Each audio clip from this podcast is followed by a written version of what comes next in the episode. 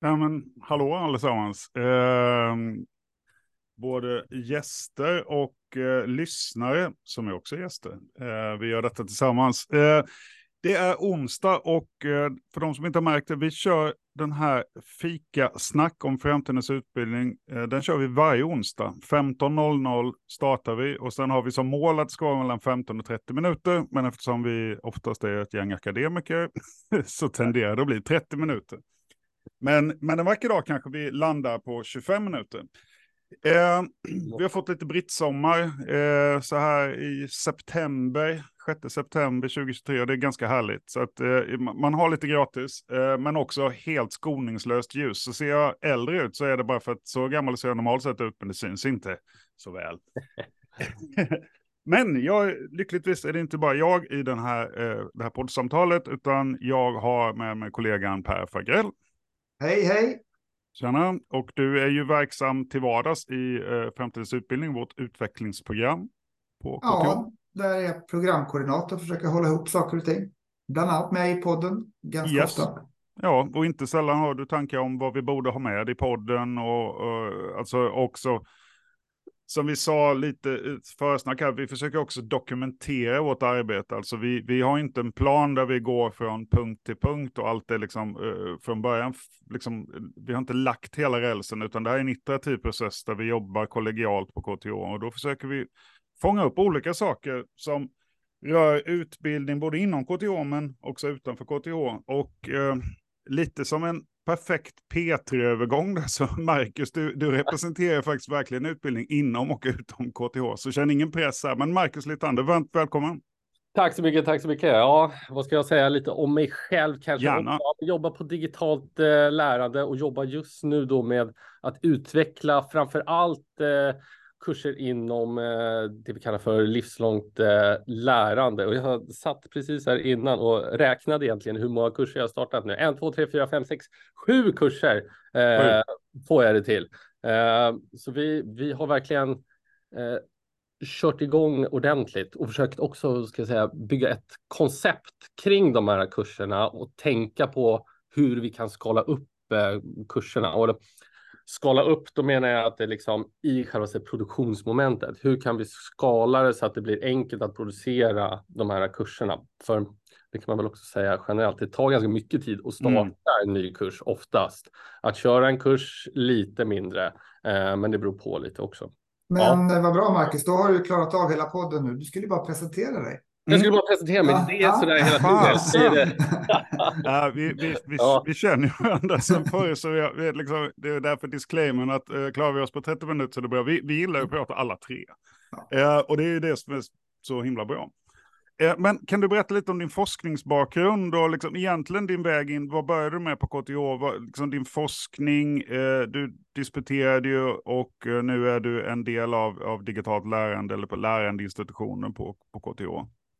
Just det, jag började väl lite som, eh, min bakgrund är ju inom kognitiv eh, psykologi, så jag läste kognitiv psykologi på eh, SU faktiskt. Eh, mm. Så att, min, jag är en av få som inte har gått på KTH själv. Det enda kursen jag gått på KTH är den som heter Open Lab. för jag tyckte KTH, det, eller SU var lite tradigt, lite teoretiskt och då vill man ju till KTH där man kan applicera sin kunskap såklart. Eh, ja, i alla fall, så där började jag och sen så gled jag in eh, på digitalt lärande. Vi gjorde en kurs som hette kommunikationsdesign, eh, så det var en av tidig liksom onlinekurs och då var jag med och var TA eller kursassistent. Och sen efter det då så fortsatte jag och ville doktorera och då åkte jag till USA Ska vi ta historien om hur jag kom in på? Ja, men varför inte? Jag tycker, alltså, vi, vi, ibland pratar vi bara så mycket om liksom, de teoretiska modellerna och sånt där, men människorna, det är alltså den resa vi alla gör inom ramen för uh, vårt jobb. Ha ja, det lite kort. Ja. För det var ju faktiskt genom en kär kollega här på KTH, eh, Eva Hartell. Eh, hon är ju en stor på Twitter och hon har ju något som kallas för Research Ed, en fantastisk eh, organisation och de hjälper lärare att applicera forskningsresultat i skolan. Så det är en slags konferens, organisation, liksom en kombination av forskning och eh, praktiker, praktiknära forskning helt enkelt. Mm, mm. I alla fall, nu pratar jag så där mycket. Ja. Eh, hon hade kontakt, jag träffade en, eh, min som skulle blivande handledare på eh, ResearchEd på en konferens där. Eh, pratade lite med henne. Hon eh, jobbade med kognitiv psykologi. Jag tyckte det verkade jättespännande. Eh, och sen så då eh, hade hon twittrat ut och det där. Jag var inte lika aktiv på Twitter som Eva Hartell, så hon tipsade mig om att min handledare hade twittrat ut att de behövde en eh, PhD-student på sitt program. Så då twittrade jag tillbaka till Jonna Weinstein eh, som hon heter. Eh, och på den vägen är det. Så jag twittrade och sen så eh, tog vi ett litet Skype-samtal. Skype fanns fortfarande på den tiden. Mm, mm. Eh, så vi skypade lite och hon tyckte, ja men perfekt, du har ju bakgrund i kognitiv psykologi. Eh, det här blir alldeles utmärkt. Sen fick man göra massor med sådana här galna IQ-test och, och sånt där och engelska test innan man kom in officiellt på programmet på, eh, i USA där i, på University of eh, Massachusetts. Så det är väl den lite härliga vägen som jag tog mm. in på, doktor, eh, som jag blev doktorand så att säga. Um, ja, och den, det programmet hette ju just Applied Psychology and Prevention Science och där brukar jag gilla, jag brukar säga det på mina föreläsningar och sånt där, jag gillar det där med applied-delen, just hur kan man applicera kognitiv psykologi i verkligheten. Mm. Och vi tittade specifikt på lärandestrategier och hur man kan hjälpa studenter att studera bättre. Uh, för kort sagt då så kan man säga att studenter oftast använder vad jag säger, suboptimala studiestrategier. Eller på den svenska, de använder dåliga strategier när de pluggar. Mm. Uh, men, och de skulle kunna använda mycket bättre. Uh, och då vill vi hjälpa varför är, finns det här glappet? Mm. och, och lite på det gled vi in på vår första kurs om då livslångt lärande som heter Lär dig lära online. För då vill vi säga, ja men här har vi verkligen forskningen, så här borde du studera.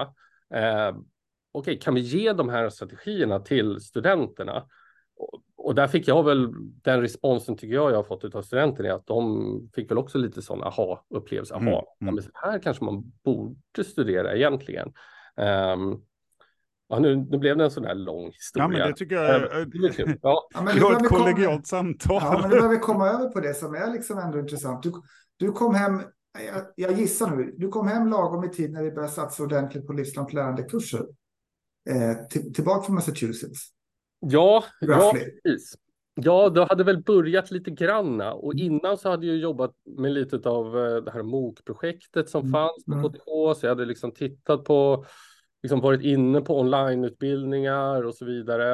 Eh, de för och nackdelar eh, som finns på onlineutbildningar. Vi mm. pratade lite innan här eh, i podden började om de här eh, dropout eh, ratesen. De brukar ju vara ganska så stora, särskilt kanske i sådana här öppna MOOC-kurser. Liksom. Ja. Det verkar jätteintressant och liksom eh, och sen så ska man komma igång eh, och sen så var det massa andra saker man skulle göra. Uh, ungefär så där som ja, men, men alltså handen på hjärtat, jag vet inte hur många MOOC-kurser jag själv har startat.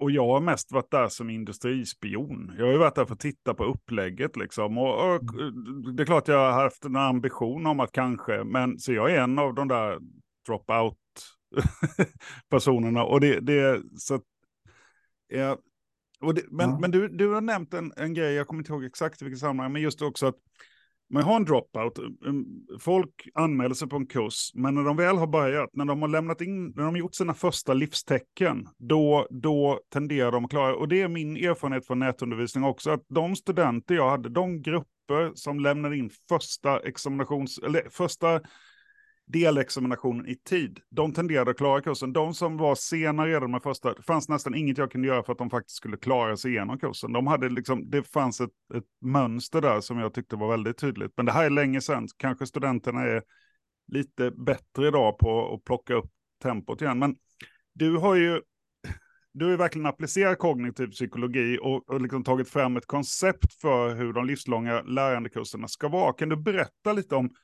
men okej, okay, det är ju bra om vi kan lära studenterna hur de borde lära sig, men hur ska vi strukturera kurser för att det ska vara tacksamt? Eh, kan du berätta lite om det konceptet som du och kollegor har jobbat fram där? För det, nu är det sju kurser då. Ja, jättebra. För det ska man väl också säga så här.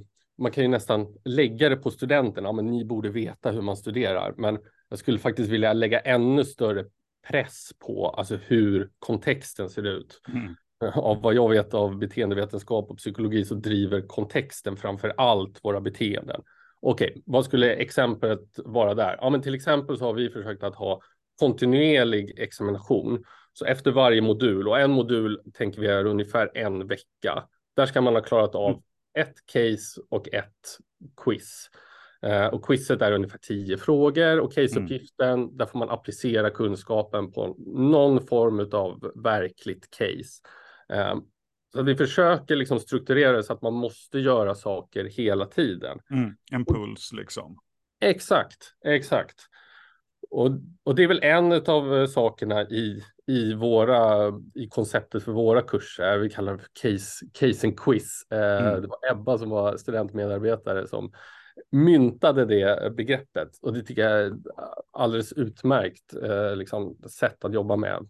Dels de här små, små enkla quizuppgifter och vi ska också säga en sak med quizen är att man, man faktiskt kan göra dem flera gånger. Ja. Eh, så det är en del av konceptet också. Det har vi tagit också från liksom, forskning från kognitiv psykologi. Um, att man har då vad man kallar för low stake quiz. Det verkar stärka lärandet väldigt mycket. Det vill säga det är liten risk att bli förnedrad om jag visar mig inte vara bra på det här området första gången. Exakt, exakt. Och sen en sån här liten feature som vi har som också är sådär direkt från kognitiv psykologi, det är att man när man har gjort quizet så har vi lagt in den här spärren att man måste vänta 12 timmar innan man kan göra quizet igen. Mm. Eh, och där blir en del studenter sådär, man, man blir lite frustrerad. Eh, men där tycker jag det är viktigt att säga just den där frustrationen när det, när det är lite jobbigt att lära sig, det är precis dit vi vill nå. Den här mm. effortfulness. För man lär sig ja. faktiskt bättre när man distribuerar sitt lärande över tid. Mm. Eh, så 12 timmar måste man vänta emellan mm. quizen, man får göra det flera gånger. Um, vad ska jag säga mer om det här konceptet? Alltså om man tänker det konceptet helt i canvas liksom, där har vi ju också rent visuellt tänkt på ja, men hur ska det se ut? Man ska känna igen sig när ja. man kommer i kursen. Uh, och det är väl uh, en liten hint till KTH att uh, det, det, inte, det ser inte direkt likadant ut på alla kurser i Canvas. Det, det, kan vara en feedback vi har hört då och då från studenterna. Och då kan vi säga, du har ändå blivit mycket bättre, för nu är det i alla fall ett system. Tidigare var det ju, man visste inte ens vilket system och upplägget var helt olika. Men vi har liksom likt en tv-kock här, så har vi precis nu ur ugnen fått en fråga från Peter, enkla quizfrågor, exempel på hur en sådan ser ut, på vilken nivå är de? Alltså, det vill säga non-intrusive, eh, ja, det var det inte du sa, men alltså det här icke avskräckande, hur ser en sån fråga ut? Vi brukar göra så som, och det är väl en del av upplägget också, så till exempel eh, tar vi ett kapitel i en bok och sen så mm. skriver vi frågor på det om det är en fråga om lärande, då kanske vi har eh, vad effekten av retrieval practice eh, en vecka efter man har studerat jämfört med fem minuter efter att man har studerat. Så den, den är, den är ganska enkel. Om, om man har läst kapitlet eller sett filmen, då skulle jag säga att den är liksom faktabaserad eh, fråga. Alltid svårt att säga liksom vad är den exakta nivån? Men, men om man pratar nivåer så tror jag lite som du var inne på Johan, att, att det känslan man vill åt är att man, man ska känna att man kan försöka igen. Ja. Eh, och ska jag droppa mer forskning där eh, så kan man se på vad man brukar kalla för att studenter ofta är okalibrerade. Och vad menar man då med det? Jo, att man tror att studenter tror att de kan mer än vad de faktiskt kan. Man läser ett stycke Eh, och då kan man drabbas av vad som kallas för en fluency bias. Man läser det, man känner igen det, man bara, ah, okej, okay, ja, men det verkar som att jag kan det. Men någonting som verkar hjälpa den här att bli mera kalibrerad, man förstår vad man kan och inte kan, är att just göra små frågor. Aha, mm. okej, okay, ja, och de behöver inte vara superavancerade. Men just när man måste öva på att lyfta kunskapen själv och plocka fram de här minnena, mm. då förstår man så, aha, men det där kunde jag faktiskt. Och så förstår man, ah, men den där delen kunde jag inte. Och där har forskningen visat att studenter som då gör den här typen av quizuppgifter, eh, de blir bättre, dels bättre kalibrerade och de blir bättre på att lägga upp sina studier så att man kan studera det man inte är bra på och kanske studera mindre på det man faktiskt klarar av redan. Ja, ja. Um, jag hoppas och, att det... Och, och, eh, egentligen, alltså det, den modellen som, som ni har värpt fram handlar ju om att man bryter ner en kurs i ja, men som det är då ett veckoblock. Och genom att det är ett veckoblock då blir det lättare att skriva ett, av, ett, liksom ett, ett, ett avgränsat case. Men det blir också naturligtvis lättare att göra quizfrågor för det är en ganska liten materia som, som man som student förväntas liksom ha tagit del av under en vecka. Det är mycket svårare att göra ett quiz efter fem veckor. Um, det, det, så att, eh, jag tror att ni har knäckt koden lite grann där i, i liksom, vilken stor, liksom, vilka storlekar man kan ha på de här objekten för att det ska vara liksom, hanterligt också för en själv som lärare faktiskt. Att det ska vara liksom rimligt att man känner att den här quizen fångar bra det som den här lilla modulen förväntas eh, eh, liksom innehålla. Eh, det kan vara svårare att göra det på hela kursen eller hela kursmaterian. Eh, det, det finns det här är livslångt lärandekurser, men ni, rent liksom, vad är det för något som finns i lärplattformen Canvas? Jo, ni har ju delat, spjälkat upp det då i något modulärt upplägg mm. då, så det finns mm. moduler, eh, en per vecka. Och i den finns det då en, en, en caseövning, en quiz. Men eh, själva föreläsningar och sånt, hur, hur hanterar ni dem?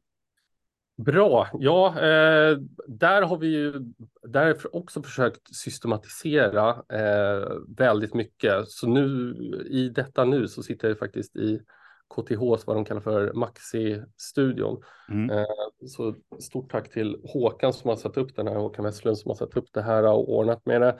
Eh, så där försöker vi spela in videos, jag försöker hålla dem relativt korta de här videosarna 10-15 minuter och så dela upp dem i varje sån här modul som vi pratar om. Kanske ungefär eh, 4, 5, 6 sådana här filmer. Men det, powerpointen ligger liksom alltid lite på vänstersidan. Jag sitter där. Eh, jag kan gå in i studion. Det blir samma enkla koncept. Mm. Eh, det är såklart det tar tid att göra powerpoints och så vidare. Men när jag har spelat in materialet så får jag, jag, tycker att det, det, blir ett snyggt koncept och jag, över tid så sparar jag, sparar jag väldigt mycket tid. Mm. Eh, så det är också en del i liksom det här konceptet som vi försöker ta fram i liksom att effektivisera självaste produktionen av de här kurserna. Eh, jag har faktiskt, jag ska se, jag kan skicka en länk. Jag har en sån här exempelkurs mm. på Canvas Commons, så det kan vi väl rekommendera. Jag märker såklart att det är, det är svårt uh, att beskriva en kurs utan att man ser den framför sig. och jag brukar ja. säga till studenterna att så här, nu kommer jag visa hur det ser ut i Canvas, för det är ett bra sätt att lära sig. Då kan ni se det framför er medan jag berättar, för att eh, då, då blir det vad man brukar kalla för dual coding. Man både ser det och så hör man mig berätta det. Um, nu har vi inte den möjligheten här, men vi, vi skulle kunna dela med oss av den där Eh, det tycker jag. Vi ja. lägger den i, i beskrivning och sen kan man kontakta mig Per eller, eller dig Marcus om man vill veta mer också. Vi, vi uppmanar ju alltid liksom frågan kollegor. Vi älskar ju att förklara grejer vi, vi, vi är bra på. Eh, vi ska se här. Eh, vi fick en fråga från Eva. Lägger ni in interaktioner mellan föreläsare och audience på något vis? Typ kan föreläsaren anpassa sin undervisning längs vägen? Det är en, det är en spännande fråga. Eh, alltså i, hur mycket realtid har ni? Eh, eller är det till nästa kursomgång det, man får göra det? Tankar där? Ja, det är, lite, det är lite blandat och jag skulle säga att det är någonting som vi jobbar med. I de, det är lite också, jag vet inte, jag har märkt det nu också när man producerar kurser. Ibland så, så blir det åt ett håll, ibland åt ett annat lite granna. Men jag skulle säga att vårt övergripande mål är att här, ja, det ska finnas interaktivitet mellan videos och de här mera encoding-delarna utav eh, modulerna. Till exempel då i den här miljöpsykologi, då startar man med, ett diskussion, med en diskussion. Eh, nu Malin Jansson, min kollega, hon har lagt in eh, iframat in en liten del från eh, Mentimeter så att man kan se hur andra studenter tycker och tänker i olika frågor. Det tycker jag är utmärkt. Eh, jag har satt våra studenter nu på, nu ska de stackarna, de, de håller på och listar alla, alla videos som vi har i en kurs och sen så ska vi göra utifrån videosarna ska vi försöka skapa quizfrågor till videosarna så att det blir video och så blir det lite quiz eh, mm. efteråt mm. så att man vet att man har tittat på det. Eh, så det skulle jag, det är vårt mål. Har vi kommit dit än? Nej, men eh, definitivt. Jag tycker att långsiktigt så har ju vi möjligheten med de här lite kortare videoformaten att göra sånt. Jag, jag vet också att Per har lite tankar kring, kring, kring eh, de som går kursen. Ja, jag, sitter där och försöker bryta mig in mellan ert samtal lite grann. Nej, men det är jättespännande, Marcus. Men man blir nyfiken, vad är det för studenter du har? Är det studentstudenter eller är det yrkesverksamma? Eller vilken kombination är det? Ja, men det där är spännande, för vi, vi håller på att kolla lite på det där och jag har inte gjort någon sån här systematisk eh, eh, check på det, men jag ser ju ändå liksom eh, ja, dels i kurserna när man träffar och så brukar vi liksom första kursstarten höra vad, vad alla har för bakgrund. Jag skulle säga ungefär en tredjedel kommer liksom från industrin. De arbetar med någonting och det beror lite på vad det är för kurs. I den här miljöpsykologikursen, då jobbar ju nästan alla som någon sån här. Ja, jag jobbar på miljödelen för mitt företag, eh, så där är nog nästan 70-80 procent liksom eh, faktiskt ute i arbetslivet eh, och så kanske 20 procent studenter. Ehm, I den här eh, lär dig lära online, ja, men där kanske det är mera studenter, för det är väl de som behöver den här typen av kunskap. Eh, men ganska, och jag tycker det är roligt med ganska spridd eh, ålder faktiskt. Vi satt och tittade igenom den här eh, listan liksom, och det var några födda eh, på 60-talet, på 50-talet har det till och med varit. Så att det, det är ganska spridda skurar faktiskt. Det känns och jag vågar inte säga att det, det, är så, men min känsla är att det har blivit mer utifrån, det vill säga inte studenter, i våra kurser. Och det tycker jag det är precis dit vi vill, vill nå med de här kurserna. Så att, eh, det är kul. Kul, ja bra. Um, ja. Ja, förlåt. Eh, jag, jag, tänkte om jag bara ska, eh, det här med att skapa snabb interaktion med studenterna genom att ni kan producera videos strömlinjeformat, det blir det aldrig, jag vet det, det är mycket jobb att göra en video. Men genom att ni ändå har en produktionsprocess så skulle ni ju kunna komplettera med ett, ett, ett en kortare föreläsning eller en kortare förklaring om det dyker upp saker genom att det är ganska låg tröskel för er att skapa det här materialet. Det är också något som talar för att det är väldigt klokt att hålla de här modulerna korta. Eh, för då är det lätt att ersätta en modul eller komplettera en modul. Sådär. Så det, det, känns också även där, liksom, så ert upplägg känns smart för att kunna liksom, men följa studenternas progression och eventuellt eh, förklara eller förtydliga något om det dyker upp någonting. Genom att det inte liksom är ett veckor av att planera och liksom, eh, koordinera en inspelning av ett, eh, ett videoklipp. Ja, precis. Och nu har jag försökt. Det är ju, ja, som du säger, det, det kan vara svårt det här med att spela in video. Alltså, första gången jag gick in i studion, alltså jag, jag spelade in vet, en minut, så bara nej, nu sa jag någonting fel och så gick jag och tittade på filmen och så gick jag tillbaka. Uh, men man lärde ju sig det där. Men nu har jag faktiskt, nu har jag sagt till mig själv att här, jag kan inte hålla på och liksom eh, störa mig på alla så här små, små tics uh, som man har. Så nu försöker jag spela in under Zoom föreläsningen. Mm. Men det jag försöker göra är att liksom, nu har jag liksom en stopp, stopp startknapp här, bara re record och sen när det har gått ungefär 15 minuter, då stannar jag och så har jag den filen och så får det vara, det är liksom, det kommer inte vara helt perfekt, men man får ett ganska kort mm. och trevligt format och jag har har gjort det, jag kan lägga upp det i Canvas. Ja, och som du sa, du kan, det finns möjligheten att lägga in små diskussionsforum, frågor när man har liksom snuttifierat det återigen, den här, det är jättebra att vi tar upp den för att den är, och tittar man på forskning från kognitiv psykologi igen, det är otroligt viktigt att man kan dela upp uppgifter i mindre delar. Mm. Uh, vi pratade om den här prokrastineringskursen och en av de strategier som jag säger är liksom genomgående. Dela upp problemet i mindre delar och det låter som en uh, no-brainer. Eh, men här måste vi hjälpa studenterna, eller vi kan hjälpa dem. Så ta den chansen, för det, det, blir enklare för oss också. Det blir enklare för mig också att spela in flera små videos skulle jag påstå. Mm. Jag tycker att det är definitivt någonting vi, vi borde liksom få in det systematiken i hur man gör videoinspelningar.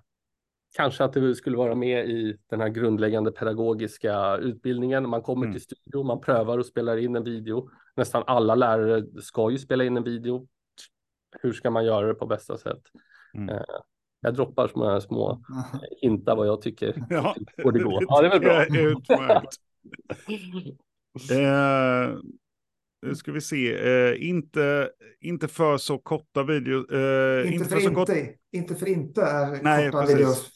Eh, inte för inte, så, tack Per. Apropå det här med bloopers, eh, men vi editerar ingenting i den här, mm. så att det, det, det förstår för mig. Inte för inte så är korta videos populära på sociala medier. Budskapet går in snabbt. Vi har ju YouTube Shorts, vi har ju TikTok och annat. Alltså det, det, på något det, det, är ju inte en slump att det är populärt, utan det, det mm. verkar ju faktiskt vara eh, någonting som appellerar till väldigt många. Och det behöver inte betyda att innehållet är dåligt eller att det är grunt, utan det handlar bara om att det är kort. Mm. Eh, och, och, och, där tror jag också vi måste styra rätt då, att en, en rapport är inte bra för att det är många sidor. Eh, men nu, det, nu bryter jag in sist innan minuterna tar slut här. Nu var jag, jag så nyfiken på att höra mer på Marcus.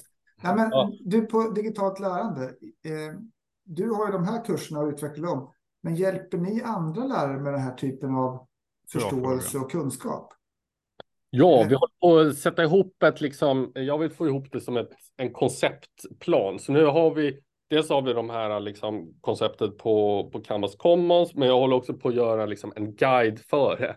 Jag äh, pratade med Morgan, min chef, om det, att jag tänker det lite, alltså tv-program, de brukar ju ha liksom, typ när man bygger Idol, då är det liksom ett koncept ja, men så här ska det se ut och sen kan man lansera det i olika mm. länder och så vidare. Alltså någonting eh, liknande. Och det, det behöver inte bli så plastigt, men, men jag tror att det definitivt kan förenkla processen så att man ser så här, ja men det här finns färdigt. Ja men ska jag skriva ett välkomstbrev till studenterna, då ska jag skriva de här grejerna. Det blir snarare som en checklista. Men det, men det paketeras inte som en liksom, kurs för lärare då, utan det blir liksom ett, ett hjälppaket som man, som man kan hitta själv. Ja, du tänker att man skulle göra en kurs ja, ja, man bygger våra ja. kurser. Mm. Eh, jag gillar ja, det. Mm -hmm. ja. Jag vet att ni har en kurs i digitalt lärande. Eh, en, en så kallad högskolepedagogisk kurs. Va? Det vet jag. Men, ja, precis. Det, vi har inte kommit eh, så långt. De stegen och jag, vi ska liksom få till det här nu. Nu testar vi det och sen så mm. tänker jag nästa steg är att testa det på några andra kurser, några utifrån som liksom inte har varit eh, med. Nu har jag byggt, liksom, eller jag har haft kunskap i det här, så nu tar vi in liksom externa prövar.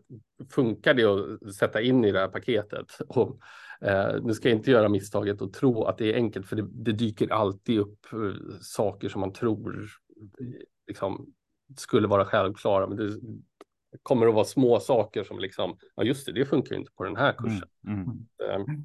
Ja, men själv, självklart. Uh, och det, det, är väl där, liksom det här modulära formatet tror jag uh, är, är, också där framgången ligger då, att uh, det kanske är 80-20 då, att rätt mycket går att använda. Sen behöver man ha liksom valbara alternativ mm. på vissa nivåer och sådär. alltså det blev ju inte 15 minuter det här samtalet. Eh, oh, Shit. Oerhört oväntat. Vi vet ju att du, Marcus, ska ju vidare på nästa grej 15.30. Och det är ju om en minut. Så att vi får avrunda samtalet här. Men det här är ju jättekul. För det, det är ju det här vi vill. Vi vill ju titta på, på liksom, vad, vad, vad gör vi faktiskt på KTH? Inte bara vad tänker vi, utan vad gör vi verkligen? Och så testa, utvärdera, sprida. Och vi uppmanar ju alla då att ta kontakt med digitalt lärande kontakt med, med Marcus om man är intresserad av att veta mer. Och sen får vi kanske anledning att återkomma eh, till det här eh, ämnet i, i podden framöver. Men mycket stort tack Marcus för att du tog dig tid med mig och Per. Ja, stort tack. Eh, jag babblade på mycket som vanligt, men eh, ja, stort tack. Gillat. Eh, vi är tillbaka om en vecka. Eh, ja. Onsdagar 15.00. Ha det gott allesammans.